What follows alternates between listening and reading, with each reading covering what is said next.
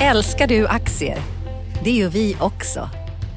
Sea Worldwide Asset Management är en av Nordens största oberoende aktiva aktieförvaltare och har samlad kunskap sedan 1986. Ta del av vår kunskap på seaworldwide.se. Bokstaven C, worldwide.se.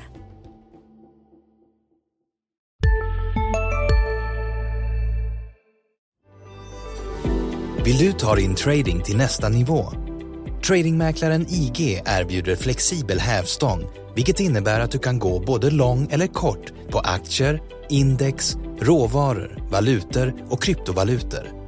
Till skillnad från traditionella investeringar låter dessa dig utnyttja både upp och nedgångar på marknaderna.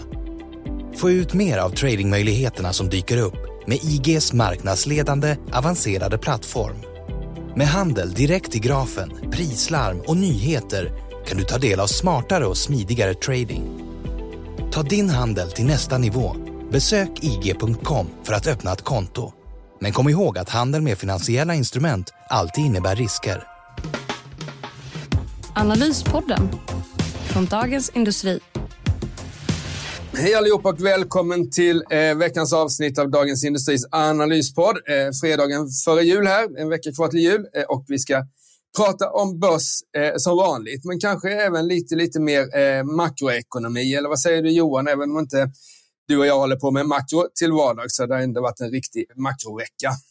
Ja, men precis. Vi kan ju inte undgå att prata om det. Det påverkar ändå börsen så pass mycket och då pratar du så, såklart om Federal Reserve, här, amerikanska centralbanken och eh, ECB, då, Europeiska centralbanken. Men sen har vi ju faktiskt andra centralbanker också. Vi har haft Norges Bank, vi har Bank of England. Så det finns lite att eh, smälta, som man säger. Vad är, vad är din eh, main takeaway här från veckan som har varit när det gäller centralbankerna? Ja, man kan väl summera lite då att det som händer då är Ja, det har ju hänt mycket som sagt var, eh, men vi får väl kanske koncentrera oss på eh, eh Federal Reserve, alltså den amerikanska eh, banken, för det är ändå den som sätter avtryck liksom, på finansmarknaderna globalt.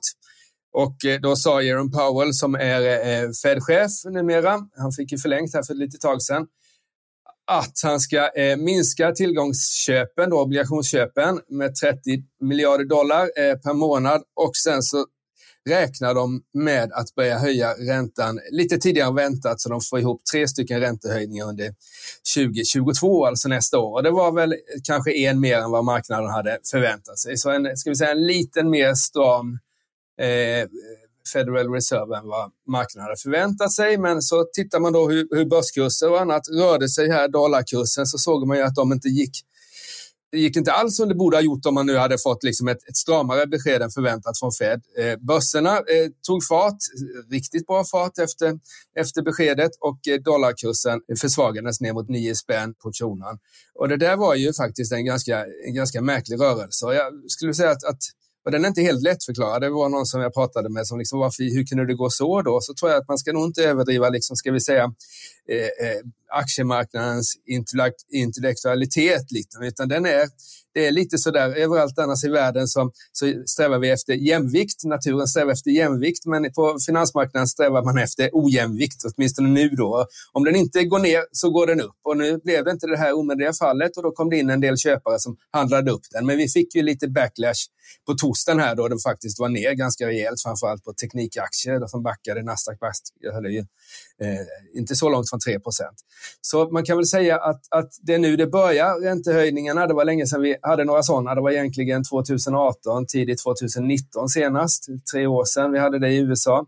Men nu kommer de sätta fart här och eh, hur marknaden hanterar det där får vi nog avvakta lite. Den här eh, eh, håsen som närmast blev första, första timmen här och nedgången som blev dagen efter tyder väl på att vi kommer ha en ganska slagig handel innan, innan marknaden har satt sig. Eh, och nu är det ju ganska låg likviditet som väntar oss på marknaden här, eh, så det kanske gör, kan göra att det blir lite ovanligt slagigt. Vi får, får väl se helt enkelt. Men eh, det var Fed det. Och tar vi Bank of England ehm, så höjde de faktiskt räntan. Ehm, de eh, gjorde inte det förra mötet när folk räknade med att de skulle göra det, men nu gjorde de det nu istället och då räknade marknaden inte med någon höjning. Så det pressade faktiskt börserna lite grann igår. Det gjorde att den här kraftiga uppgången som vi fick under förmiddagen bedärvade en del. Och vad det gällde ECB så var väl de, så att säga, de som höll fast vid en fortsatt väldigt lätt penningpolitik eh, framöver. Det var väl den, och det var också förväntat att de skulle vara den bank som så att säga fortsatte stödja ekonomin mest.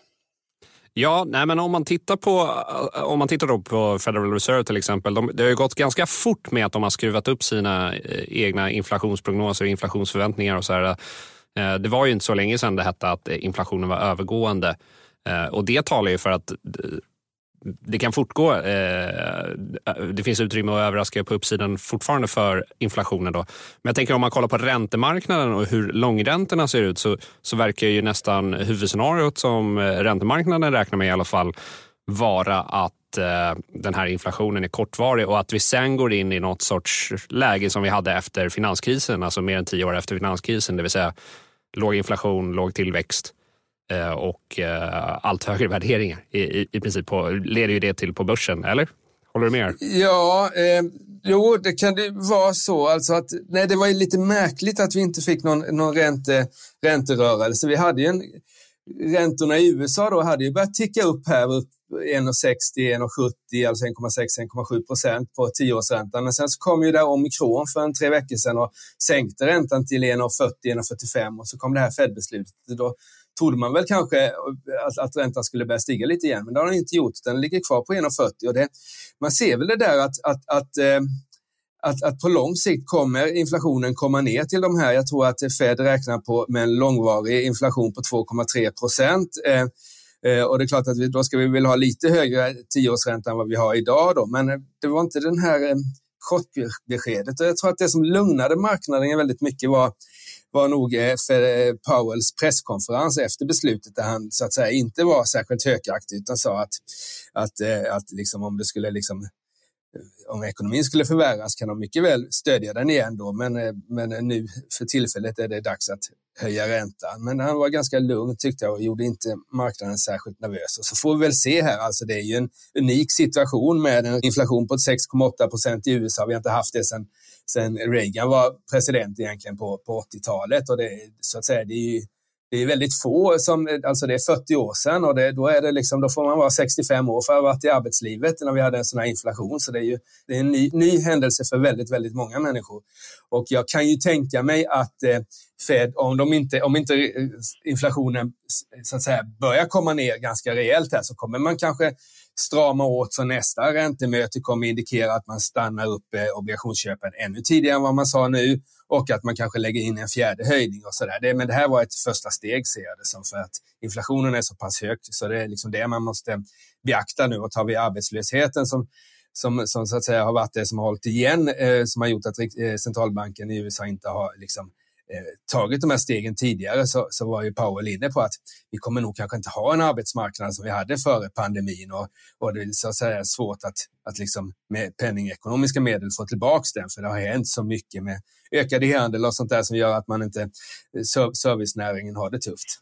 Ja, äh, och bara för en avslutande punkt på det här. Man ska väl inte glömma bort att ja, i, i, i teorin heter det att centralbankerna ska vara oberoende och de har ett starkt oberoende, men de är ju också de här människorna som rattar de här, en sån som Jay Powell. Han är en politisk varelse. Om vi tittar på det här äh, guvernörsvalet i Virginia som var för äh, någon månad sedan så går, går det ju att se att inflation är det som väljarna är oroade för och då kommer man nog prioritera det äh, istället för att nå då full sysselsättning på arbetsmarknaden. Ja, så är det För det är ju de många väljarna man vill åt och då, då så att säga de som, de som är arbetslösa i, i USA idag är ju ganska marginaliserade.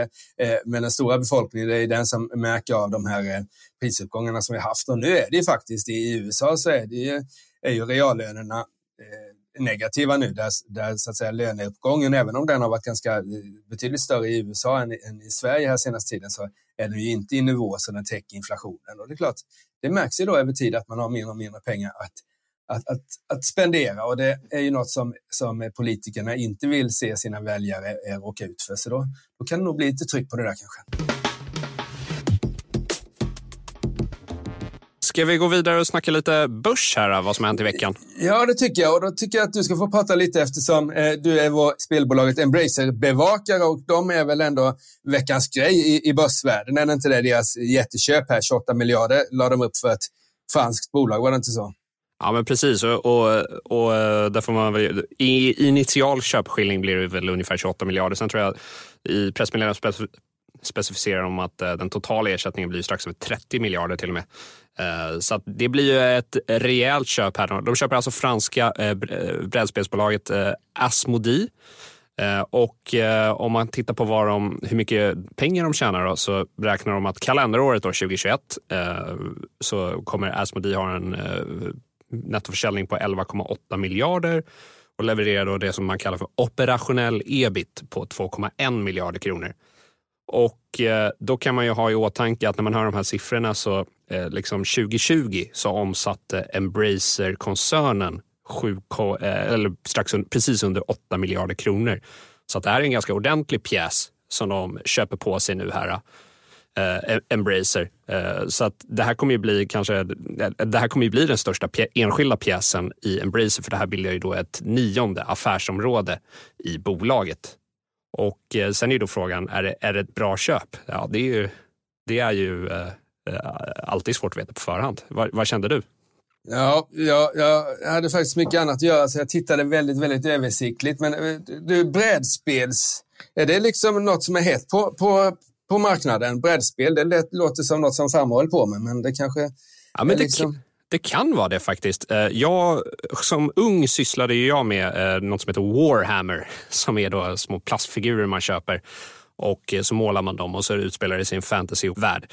Och det där ägs ju av ett bolag som heter Games Workshop och kikar man på Games Workshop på börsen så tror jag de senaste fem åren har de gett ungefär 14 gånger pengarna, eh, det här bolaget. Så att, och det här handlar ju om vad de liksom i, med branschlingo eh, eh, kallar liksom IPn, alltså intellectual property. Alltså man ska äga då olika titlar och spel och så vidare.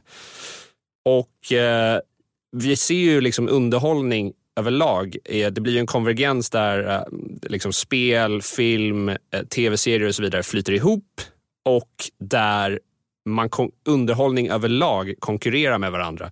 Alltså man, är, man vill åt helt enkelt kundens tid. Och det här har ju till exempel Netflix-vdn Reed Hastings sa ju berömt att Fortnite är deras största konkurrent. Eh, och det här är ju ett tecken på det att Embracer kanske inte är en data och mobilspelskoncern riktigt längre utan kanske mer av en underhållningskoncern kanske vi ska börja se dem som lite mer.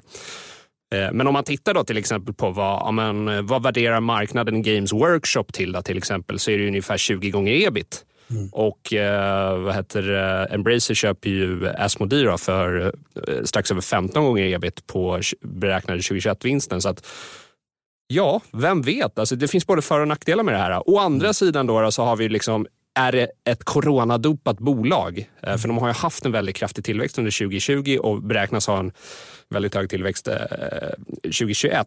Och jag noterade i den här presentationen de hade igår när de presenterade förvärvet så skrev de att pandemin har strukturellt ändrat hur vi spelar brädspel. Alltså vi spenderar mer tid med familj och vänner och så vidare.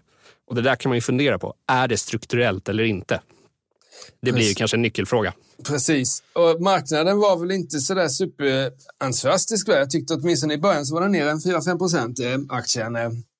Ja, men precis. Och Embracer gjorde ju en nyemission här på, för att finansiera det här förvärvet. Och det känns som institutionella investerarna som gick med på det här var mer sugna än kanske marknaden överlag. Ja, för de, eh. betalar, de behövde inte rabattera. Just nu pågår vår stora season sale med fantastiska priser på möbler och inredning. Passa på att fynda till hemmets alla rum, inne som ute, senast den 6 maj. Gör dig redo för sommar. Välkommen till Mio. Nu släpper vi en ny podd. Expressen Dock. Einar han, han går in i fel gård, förstår du? Och sen där, en annan skytt jag tror kommer emot honom och, och fortsätter skjuta. Lyssna på premiäravsnittet. Mordet på Einar, det sista vittnet med mig, krimreporter Nina Svanberg. Hon började skrika på mig. Backa hon började säga. Så vad, vad hände? Så han är död. Så vad säger du för något? Så hon började skrika, han är död. Så jag sköt honom nu 21 meter. Lyssna i appen eller där poddar finns.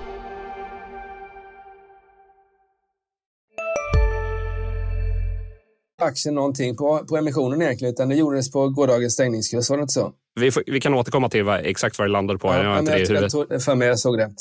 Bra. Eh, så vad, vad, är din take? Vad har din take varit på Embracer? För den har ju gått ganska dåligt på börsen. Och vad är din take efter det här jätteförvärvet? Är du så att säga, skulle du säga att det är ett mer intressant eller mindre intressant bolag? Och var det intressant redan innan den här affären? Alltså det blir mer intressant som journalist tycker jag för att det här gör det mer spännande om man får säga så. Sen har jag inte riktigt landat i vad, vad det här, eh, liksom en åsikt kring aktien om jag ska vara ärlig. Eh, men om man tittar överlag på vad jag har skrivit om Embracer så skrev jag min första köprek på Embracer 2017, 2018 där när de köpte, precis efter att de hade köpt Kock Media. Mm. Det, det, liksom, det är ju bara att titta på hur mycket Embracer är värt. Den bästa avkastningen är ju i liksom historien. Det kommer inte gå så många tusen procent till. Men uh, ja, jag har inte satt ner foten än om jag ska vara ärlig. Nej. Då tar vi, det, tar vi det någon annan podd helt enkelt. Bra. Är det något annat på, på börserna som du tycker är värt att, att, att uh, prata lite kring? Ja, men jag tycker att eh, du borde snacka lite H&M.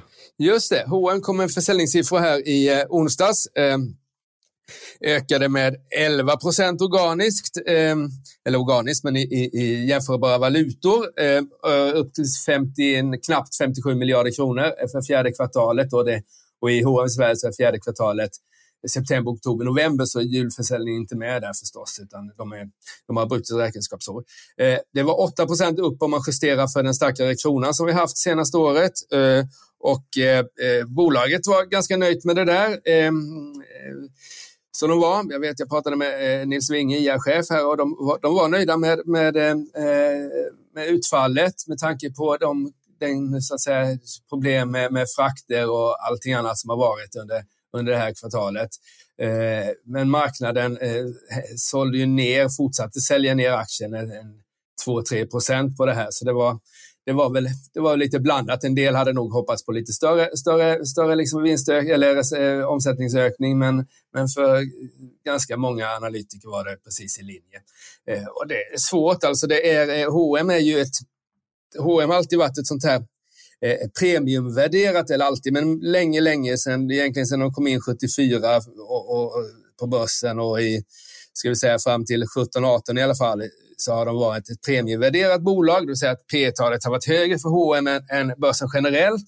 Men senaste året, och det har tilltagit också eh, här under pandemin, så har så att säga värderingen på H&M gått ner eh, samtidigt som värderingen på övriga bolag på börsen har gått upp. Så nu räknar man med att H&M framöver ska ha en sämre vinstutveckling än vad generella börsbolaget ska ha då. Eh, och det är ju intressant eh, eh tar man, tar man, eh, så att säga, lägger man in balansräkning i det här också så har ju då H&M en nettokassa på en 30 miljarder så då blir det ju, blir värderingsgapet mellan övriga börsen ännu större. Men det är ju lite så där att eh, marknaden, eh, det är ju liksom det går ju trender det här och så att säga, nu är ju trenden nedåtriktad för aktien och det måste liksom hända någonting. Där jag tror att man måste få se en varaktigt högre marginal, eh, rörelsemarginal för att, för att eh, det räcker inte med det här senaste kvartalet som var väldigt starkt, utan man skulle nog vilja se hur, hur kostnadsutvecklingen blir framöver innan man vågar köpa hm aktien eh, Just nu är det mest Stefan Persson och som köper aktien. Övriga verkar mest sitta och sälja här. Så det är lite,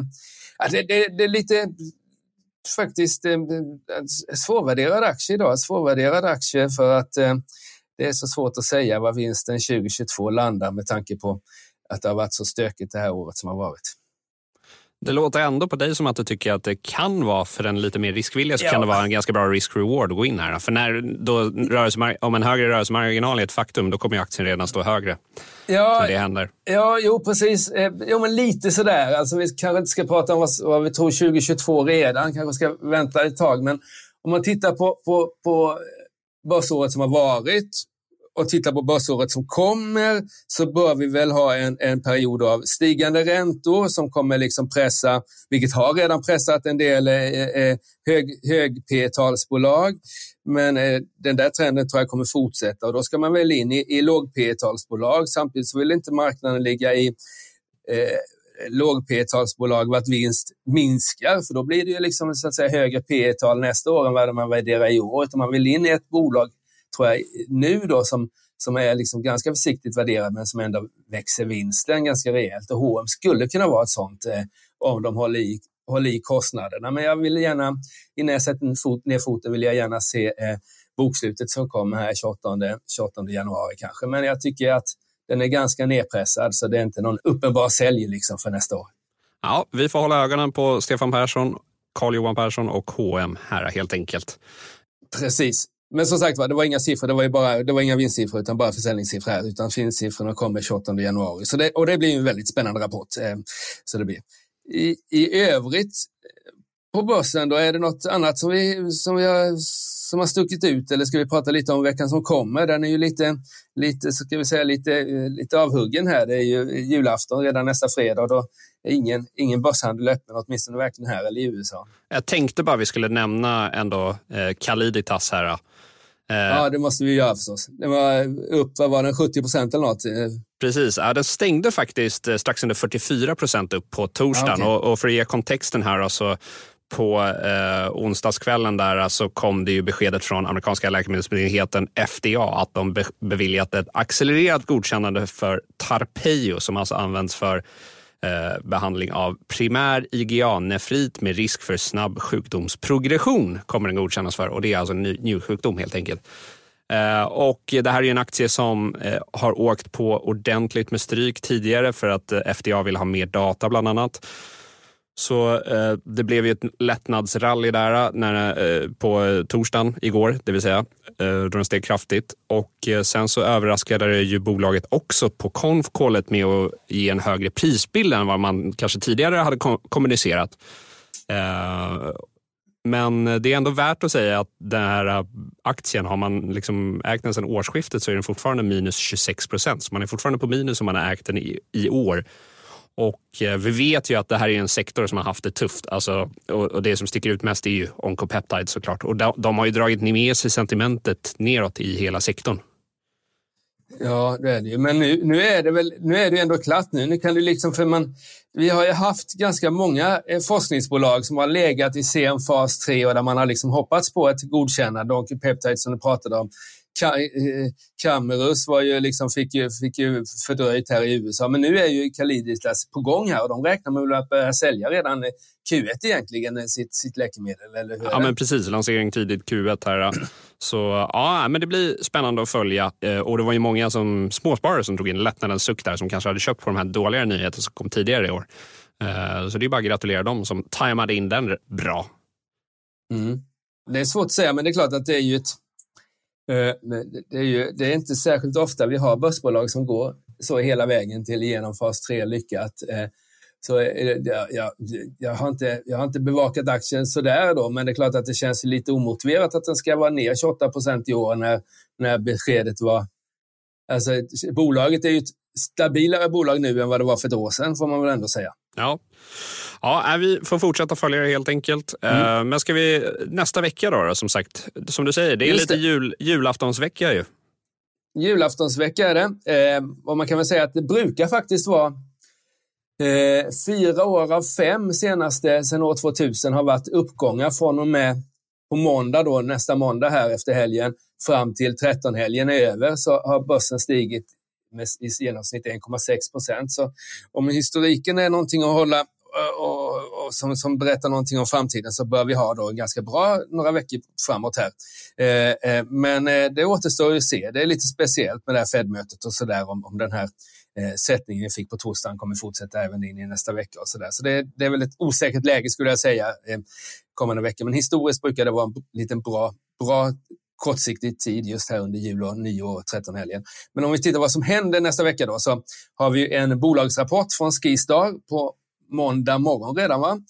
Och den där blir intressant, eh, för nu drar ju säsongen igång här. Eh, de har ju liksom tre stora, stora säsonger. De har jul och de har sportlov och påsklov och så förstås veckorna däremellan. Då. Men då, och då vill man ju veta hur, hur orderläget är och hur mycket cancelleringar som eh, eh, har, har med inneburit, framförallt i, i den norska delen av, av, av fjällvärlden. Eh, så det där, det där blir, kan ju bli en intressant rapport faktiskt. Annars så är det ju positivt uppe i fjällen, har varit i alla fall innan omikron. Eh, fastighetspriserna har dragit iväg rejält i, i, eh, i fjällen och det gynnar ju då Skistar som har mycket mark och en del byggnationer och sånt där. Men som sagt var, omikron kan ha, ha så att säga kan ha nog ställt till eh, eh, ska vi säga, bokningsläget lite grann. Så det blir intressant. I övrigt så är det väl ganska mycket makro, eller vad har du på din agenda eh, Johan? Jag tyckte mig se också att det kommer en Nobina-rapport på onsdag också, eh, budaktuella där. Eh, så, så den blir ju intressant att se också såklart.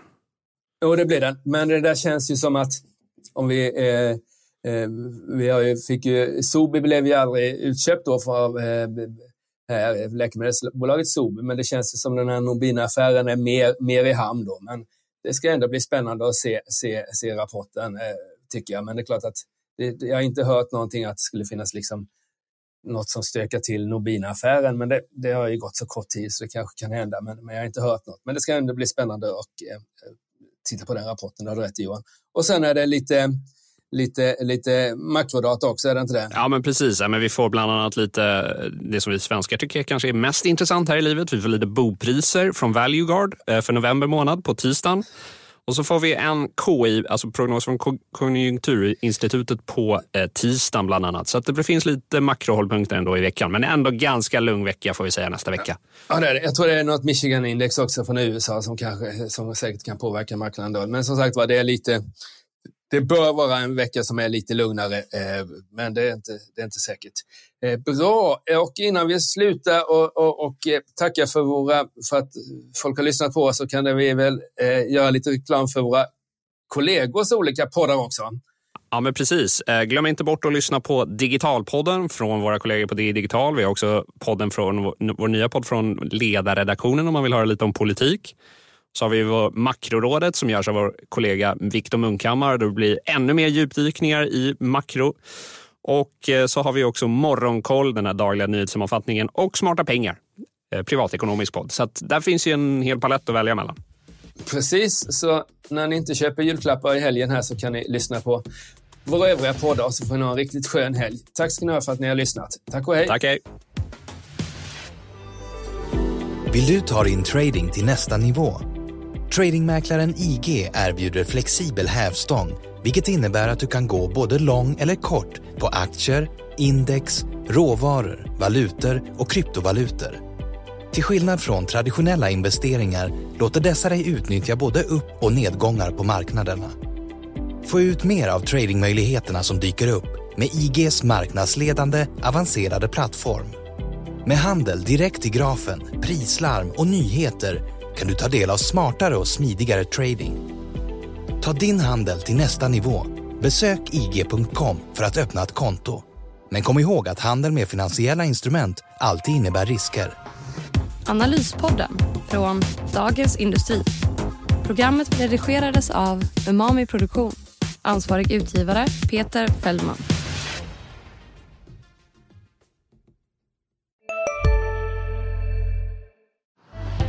Älskar du aktier? Det gör vi också. Sea Worldwide Asset Management är en av Nordens största oberoende aktiva aktieförvaltare och har samlad kunskap sedan 1986. Ta del av vår kunskap på seaworldwide.se. Bokstaven C, worldwide.se